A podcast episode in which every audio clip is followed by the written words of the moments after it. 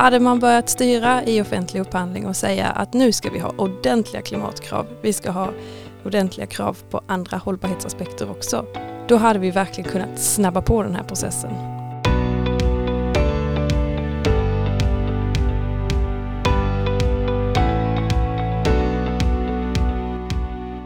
Hej och välkommen till det tredje avsnittet av Norconsults podcast Let's Create.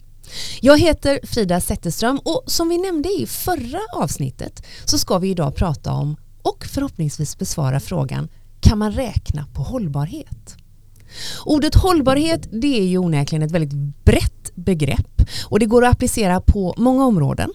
Så därför har vi idag inte mindre än tre hållbarhetsexperter med oss i studion. Hej och välkommen säger jag till Nora Harms, kulturgeograf och samhällsplanerare från Norconsult. Tack. Och hej säger vi också till Caroline Bangay, kraftledningsprojektör och hållbarhetsansvarig, division Energi och Industri Norrkonsult. Hej! Välkommen hit Caroline.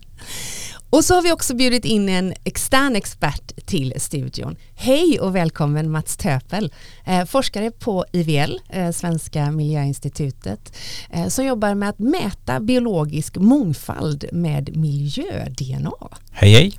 Välkommen hit. Tack. Eh, innan vi kickar igång den här eh, frågestunden så ska vi bara då reda ut att Nora representerar den sociala hållbarheten, eh, Caroline den klimatmässiga och Mats den biologiska. Vän av ordning eh, kanske då reflekterar över att vi saknar den ekonomiska hållbarhetsaspekten eh, och den kommer vi att prata mer om eh, i en framtida episod. Men som jag nämnde i inledningen Ordet hållbarhet eh, det nämns ju i många olika sammanhang och i det här sammanhanget så undrar jag vad är ett hållbart projekt för er på Norrkonsult? Jag tänker det är kanske um, så om man som du sa inkluderar alla de aspekterna som du pratade om. Mm precis så att man tänker på det ekologiska, det ekonomiska och det sociala. Och eh, för min del så betyder det ju i så fall att man har kollat hur påverkan på människorna ser ut och att man har inkluderat dem i processen. Mm. För mig så är det ju väldigt svårt att säga vad ett hållbart projekt är. Jag tycker att de är svåra att finna. Eh, om man tänker till exempel på oss på energisektorn så är, får man ju väldigt ofta höra i min egen bransch att ja, men vi jobbar redan med en framtidsindustri. Vi håller ju på att bygga ett nät för att vi ska kunna göra den här omvandlingen till ett bättre samhälle. Mm. Men då kan man ju missa väldigt mycket andra aspekter. Så bara för att man jobbar på ett framtidsprojekt så betyder ju inte det alla gånger att alla hållbarhetsaspekter är med. Mm. Så ett, ett hållbart projekt jag vet inte om jag någonsin har suttit med i ett totalt hållbart projekt. Men vi måste ju göra sådana projekt också ibland. Mm. vad skulle du säga karaktäriserar ett sådant projekt då? Ett hållbart projekt, då har man ju tagit med alla aspekterna man kan. Så social hållbarhet, biologisk mångfald och klimatberäkningar. Mm. Men då har man ju ändå bara tagit med de som man känner till. Ja, precis. Man har sin lista och man missar en massa andra aspekter. Mm. Mm. Så att hitta det här totalt hållbara projektet, det är ju en utopi. Mm. Och även om vi inte befinner oss i utopin ännu då, hur långt på vägen har vi kommit? Man, det finns ju väldigt många projekt som man måste göra ändå. Mm. Säg nu att vi har en bilväg mm. och eh, det är fullt med olyckor på den. Vi bygger om vägen för att öka den sociala hållbarheten. Säg. Men på vägen så kan vi göra väldigt många val för att vägen ska bli mer miljömässigt hållbar. Vi skulle kunna se till att göra beräkningar på utformning, materialval och så vidare. Mm. Vi skulle kunna försöka se till så att de ytor som uppstår tas om hand för till exempel biologisk mångfald eller rekreation. Mm. Hur mm. mycket av det görs? Hur mycket av det görs? Mm. Vi driver ju en agenda att försöka få med mycket mer sånt här i vårt projekt. Men eh, det är ju givetvis så att det är ju inte upp till oss som konsulter. Men en seriös konsult ger ju råd i alla uppdrag att projektet ska bli så hållbart som möjligt. Att man ska mm. ta med så mycket som möjligt. Så det är ju upp till kunden mm. att bestämma mm. vad som ska med och inte. Tack så mycket båda två. Eh, Mats, du jobbar ju med något så spännande som miljö-DNA och sekvensering. Vad är det? Miljö-DNA kan man säga bygger på tre grunder. Mm. Eh, vilket är första då att eh, alla levande organismer har den här molekylen DNA och att eh, de här molekylerna också är artspecifika. Mm. Plus att då den tredje faktorn att de sprids i miljön ifrån slem och svett och hår och, och så vidare. Och så på, på så vis så, så, ackumuleras de här eh, molekylerna i miljön. Och då kan man genom att ta ett miljöprov som kan vara ett vattenprov eller ett luftprov eller ett jordprov extrahera de här DNA-molekylerna och sen så läsa av dem. Det är det som är DNA-sekvenseringen. Och så kan man översätta förekomsten av de här eh, molekylerna till eh, en, en lista på arter som, som lever i miljön eller har passerat genom miljön. Mm, Okej. Okay.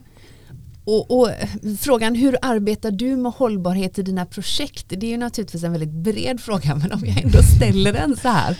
Ja, jag jobbar ju som, både som forskare och som konsult och eh, i de konsultuppdrag som vi gör där, där kommer ju en kund och har en, eh, en specifik frågeställning som handlar om att mäta eller att eh, inventera mm. biologisk mångfald eh, utifrån ett, liksom ett hållbarhetsperspektiv från, från början. Så. Det är så själva att, syftet i hållbarhet precis? Mm. Precis, precis. Så att, så att det är liksom eh, inbyggt i grunden på, den, på mm. något sätt. Mm. Uh, för jag, jag, tänker lite grann på, på frågan, vem är det, eller vilka är det som egentligen bestämmer vad som är hållbart? Vem, vem har, tagit fram, vem har tagit fram riktlinjer?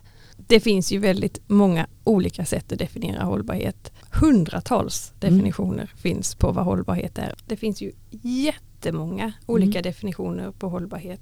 Du kanske till och med har en egen. Men um, man kan ju göra ett, ett ganska bra en ganska bra utgångspunkt är ju Agenda 2030, mm. alltså de globala hållbarhetsmålen, de här 17 färgglada som alla känner till. Mm.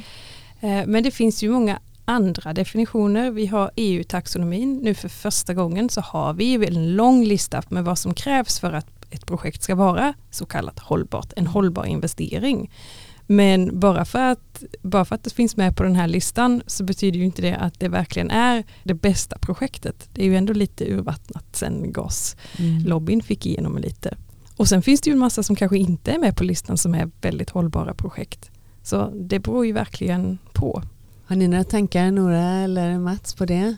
Mm, jag tänker egentligen som Caroline sa att det är ju, alltså alla har ju sina egna perspektiv på det och sin egen definition så vi kan ju bara veta det om vi frågar mm. de som mm. är berörda. Och, ja.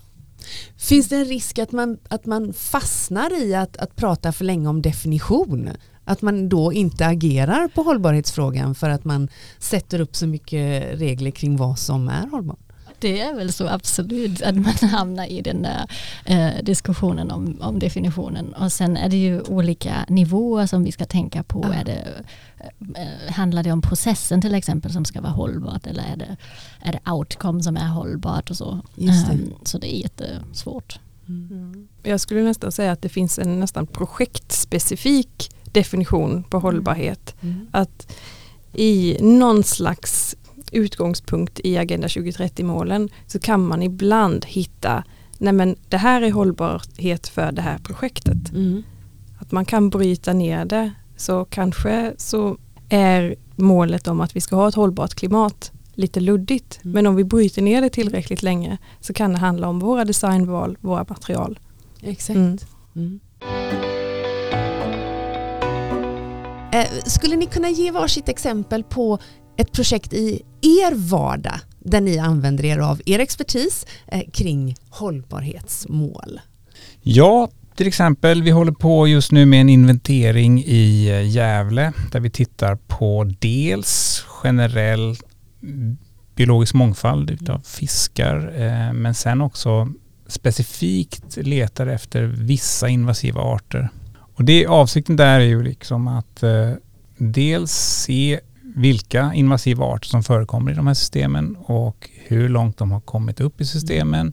Eventuella hinder de stöter på eller åtgärder man kan göra för att minska deras eh, spridning och därmed deras neg negativa påverkan på, på resten av den biologiska Mm. mångfalden i de här systemen.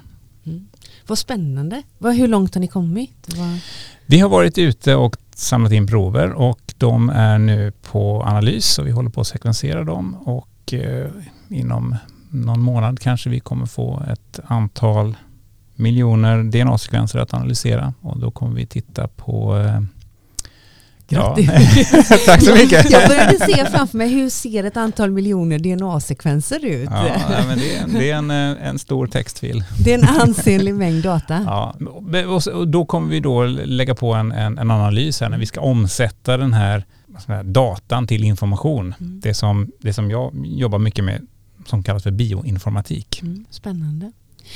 Eh, hur ser det ut på, hos er, Caroline och Nora?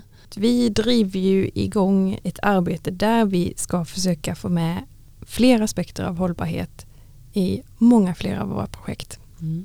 Vi har börjat lite försiktigt i år och det innebär ju att vi inleder med en workshop helt enkelt. Bryter ner begreppet hållbarhet till någonting projektspecifikt. Det brukar ramla ut riktigt bra grejer. Ja, vad spännande. Mm. Nora, hur gör ni? Ja, jag var nästan bara i projekt som handlar om social hållbarhet och dialog, medborgardialoger, digitala dialoger och så. Så det är ju en stor del av allt jag gör kan jag väl säga. Mm. Och eh, det är många sociala konsekvensbeskrivningar, barnkonsekvensanalys, um, ja, medborgardialoger som jag sa. Och sen försöker jag just nu hitta em, en em, någon slags koppling mellan eh, social hållbarhet och digitalisering också. Hur man kan em, till exempel inom user experience tänka på användarcentrerade processer och eh, digitala lösningar. Mhm, Mm. Men mm, du som arbetar då med social hållbarhet, ehm, hur exakt kan man egentligen räkna på det och, och, och mäta egentligen? Ja, det är jättesvårt och eh, jag tror vi är bara i början av en jätte, jättesvårt och komplex process kan man väl säga. Eh, Men vissa saker är ju, ehm, vissa saker kan man räkna på tänker jag. Eh, Till exempel om det handlar om hälsa eller avstånd mellan bostäder och arbetsplatser eller grönytor och, och sådana saker. Ehm, Och sen finns det ju jättemånga aspekter som utifrån mitt perspektiv absolut inte går att räkna på. Ehm, allt som ligger mellan raderna som vi inte kan mäta på. Det, det känslor, jättesvårt och ja, allt som, som ligger liksom emellan det. Så om man kommer från den socialvetenskapliga delen som jag kommer från så är det ju ehm, så lär man sig egentligen att det går inte att kvantifiera det. Ehm, så det är ju eh, i så fall eh, jättesvårt. Och jag, men jag tycker ändå att det är viktigt att vi jobbar med det. Ja, för samtidigt är det ju det ni försöker göra ändå, eller har som ambition att göra till viss del, eller hur? Med social hållbarhet. Det är mycket är ju grundat i, i känslor där.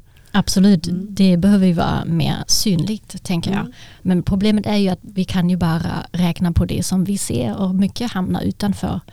Och det är ju just det som vi i så fall inte tar med. Mm. Mm. Mm, om det inte är så smidigt att räkna, finns det liksom andra sätt som är smidiga, effektiva och liksom så att det blir relevant?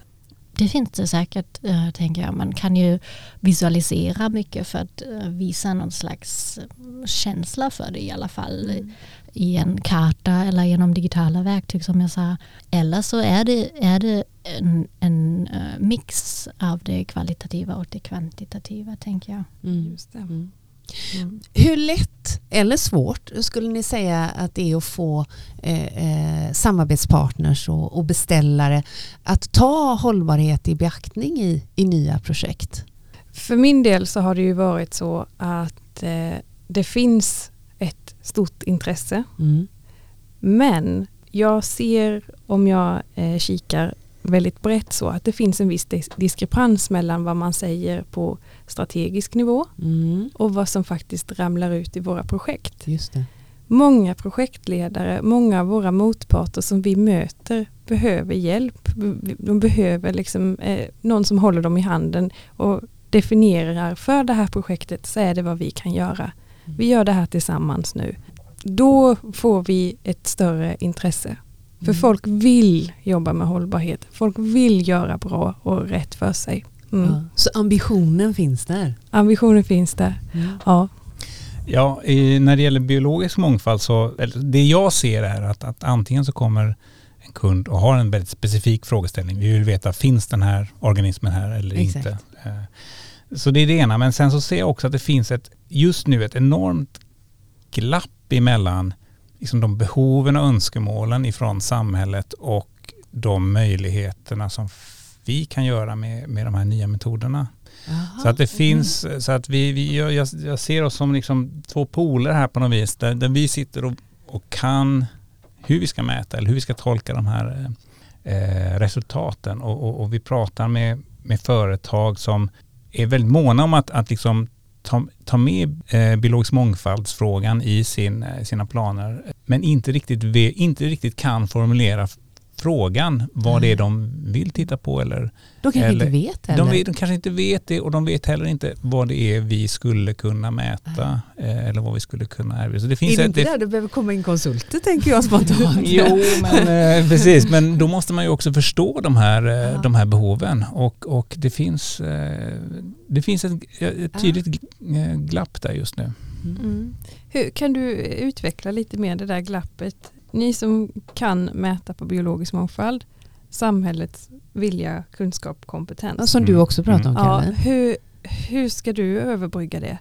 Ja, alltså, i, I grunden tror jag det handlar om att bryta ner det till en klar och tydlig frågeställning. Därför att för det, för, det första felet vi gör tror jag, det är att vi pratar om biologisk mångfald generellt. Och det är enormt stort. Det är miljoner arter. Mm.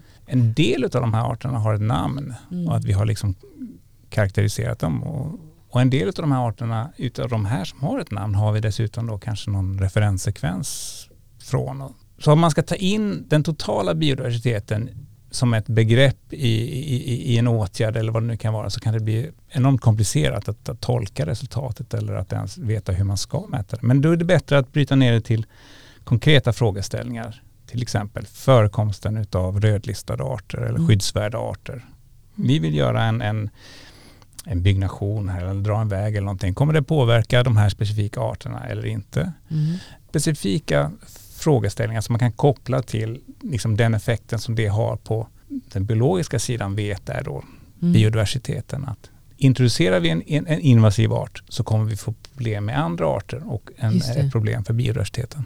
Intressant. Men om min, i mitt projekt säger vi, jag kommer till dig och jag säger, hallå, jag vill göra någonting för eh, att öka biodiversiteten när jag är färdig med mitt uppdrag. Jag har liksom lite eh, fula ytor här, kan vi göra något festligt med dem? Vad säger du då? Hur, vad är fråges, hur, hur, hjälp, hur kan Hur vi skulle göra då? frågeställningen vara formulerad? precis. Ja.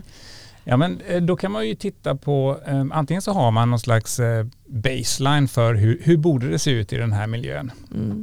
Och så kan man mäta och se vad, vad är det som saknas här. Ja, men vi, har, vi har inga, vi har ont om insekter eller vi har ont om pollinatörer. Ja, men vad beror det på? Beror det på gifter som har spridits eller beror det på att det inte finns några växter att pollinera? Och så vidare. Så att man, det, det, det är väldigt specifikt för de enskilda projekten men det finns väldigt mycket som man kan göra. Liksom. Men det känns ju också som att, att eh, bara den enkla kommunikationskanalen er, era professioner emellan eh, skulle komma väldigt, man skulle komma väldigt långt med. Det är ju någonting som jag hoppas vi känner att vi jobbar med Ja. allihopa. Att, att öka kunskapen och jobba över gränserna för ens eget safe space där man känner sig trygg. Där. Nu Ja. fattar jag vad, vad jag håller på med. Okej, men det, det känns som att vi, vi kan ju eh, helt klart enas om att vi alla eh, önskar ha hållbarhet högt upp på, på agendan. Eh, vad skulle ni säga krävs för att hållbarhet ska komma eh, ännu högre upp på agendan i, i era respektive områden och, och projekt? Jag tror att vi ska våga lite mer och testa olika saker. Så jag tycker det, det ligger verkligen mycket i processen och att vi vågar utveckla kreativa processer, ehm, testa, göra fel, göra om saker. Jag tror det är det viktigaste. Vad säger du Caroline? Alltså jag håller helt med Nora. Ja. Det, nu är det ju väldigt bråttom. Då är det ju viktigare att man gör en massa saker och så blir det lite snett ibland. Men då har man ju ändå fått med sig en hel del på köpet säkert. Man har lärt sig någonting, man kan använda det. Ja. Jag ska också nämna att eh, vi nu i dagarna har släppt en debattartikel, det är den 2 december idag, Mm. där vi tillsammans med andra i näringslivet har tagit upp vikten av att ställa ordentliga krav i offentlig upphandling. Mm. Hade man börjat styra i offentlig upphandling och säga att nu ska vi ha ordentliga klimatkrav, vi ska ha ordentliga krav på andra hållbarhetsaspekter också, då hade vi verkligen kunnat snabba på den här processen. Just det. För min nästa fråga var rent krasst, eh, om man inte då skulle ha eh, hållbarhetsmålen, eh, vad skulle hända då? Det vet väl alla Ja. vad som händer. ja. Det, det blir riktigt dålig stämning för allihopa. Ja. ja. Mm. Jo, jag, på, på det temat då så, så tänker jag mig, eh, alltså biologisk mångfald ses ofta som, eh, och det är ju samma sak för er del, social håll, hållbarhet och, och så vidare, Så mjuka värden som man kan skjuta lite på framtiden och ta när man har möjlighet, när det finns lite pengar över. Jag, jag kan bara prata utifrån biologisk mångfaldsaspekten då, att, att eh, det är alltså anledning till varför man ska ta hänsyn till det och kanske prioritera det högre. Det är ju det att, att det här är ju kopplat till både liksom ekonomiska och sociala värden som när vi väl når en tipping point, när den biologiska mångfalden eh, kraschar eller ekosystem kraschar så blir det oerhört dyrt. Och det blir oerhört påfrestande för, för de människor som, som drabbas eller på samhället. Och, och om vi nu liksom skjuter det här på framtiden att vi ska ta, vi ska ta hand om våra gammelskogar i nästa budget eh, och så vidare. Då, eh, eh, ja, det finns ju en ränta på det där att, att, att vi, vi, kommer, vi kommer att behöva betala priset och det är mycket möjligt att priset kommer bli mycket, mycket högre om vi når fram till ett, ett läge där, där någonting kraschar eller Och, och jag inser att det här är en 10 000 kronors fråga som inte går att svara på, men den där tipping pointen då? Hur nära är vi? och jag, jag tror inte man ska se det som en tipping point. Nej. Man ska inte vänta på Armageddon generellt eller globalt utan de, de där tipping points når vi hela tiden i små, små steg. Det kan vara liksom eh, pollinatörer som försvinner ifrån ett område Ja, vilket innebär att odlingen i i de här områdena blir mycket, mycket dyrare. Man får ha portabla mm, bikuper och sätta ut och, och liksom, eh, alltså sådana här löjliga lösningar liksom egentligen. Men, men eh, jag, tror, jag tror att det, vi, vi når en massa små tipping points då och då. Ja. ja.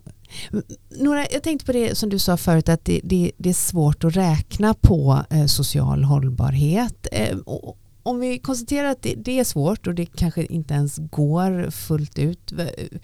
Hur, hur, hur mäter vi då och, och vad händer då om vi inte når social hållbarhet? Mm, på en mindre nivå så är det kanske så att planen blir överklagad om vi inte har involverat medborgarna.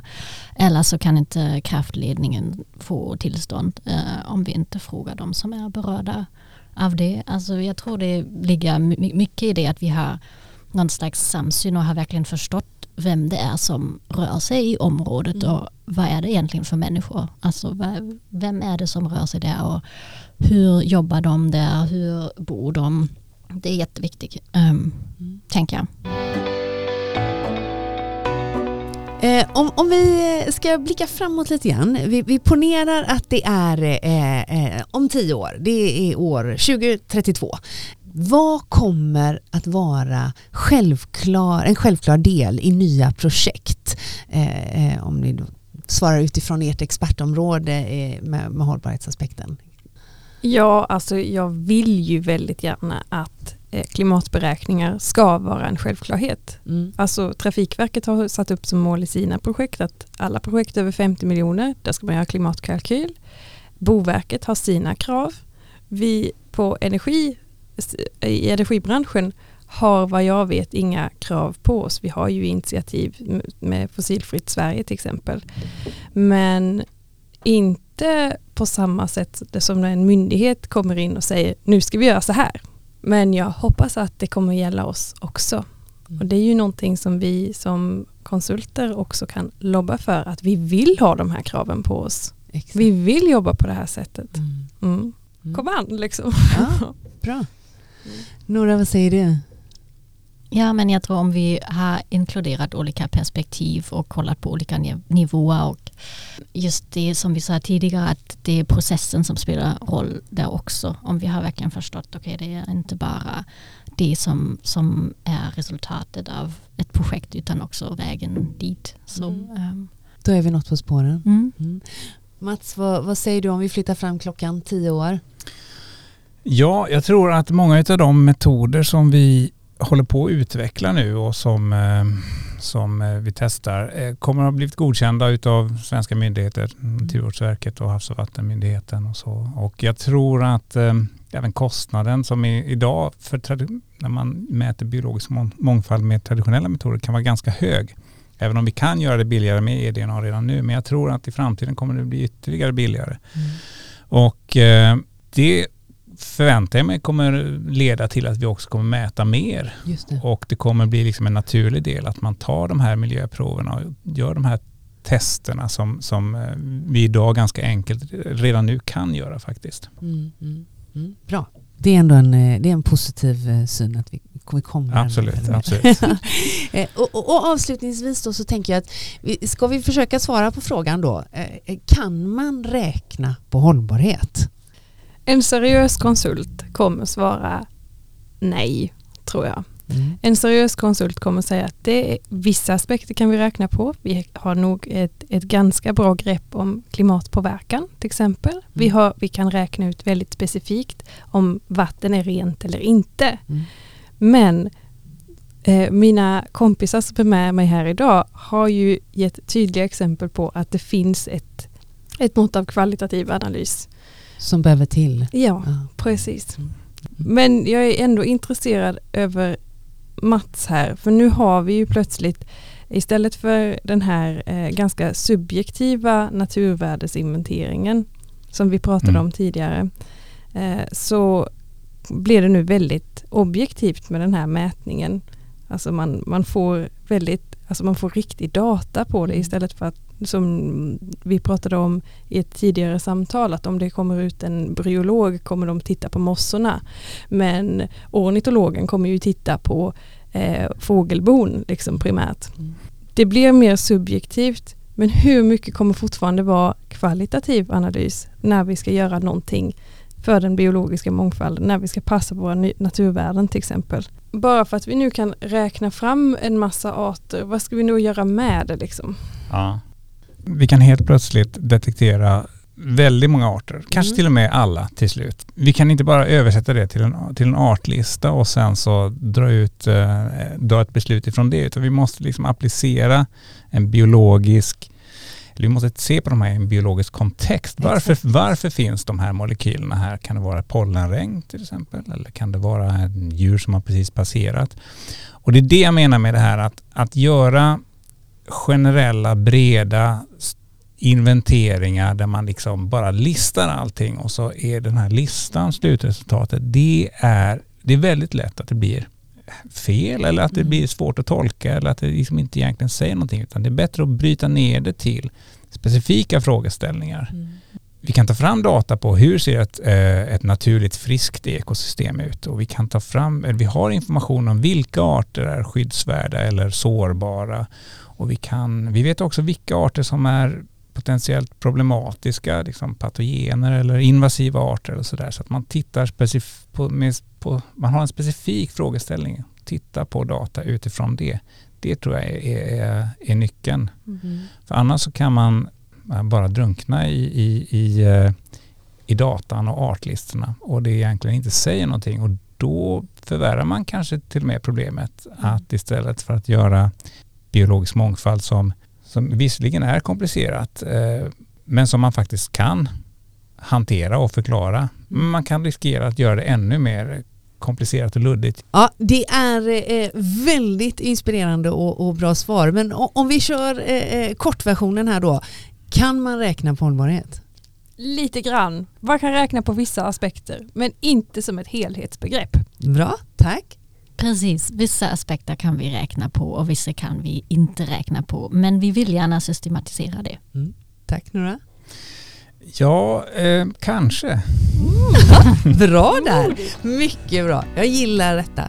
Tack så hemskt mycket säger vi till Nora, Caroline och Mats. Eh, Jag, vi önskar er lycka till med ert fortsatta arbete och om du som lyssnar vill följa Norconsults olika projekt och arbete kring hållbarhet, gå då in på norconsult.se. Och missa inte nästa avsnitt av Let's Create som kommer i februari. Högre elpriser, mer kreativitet.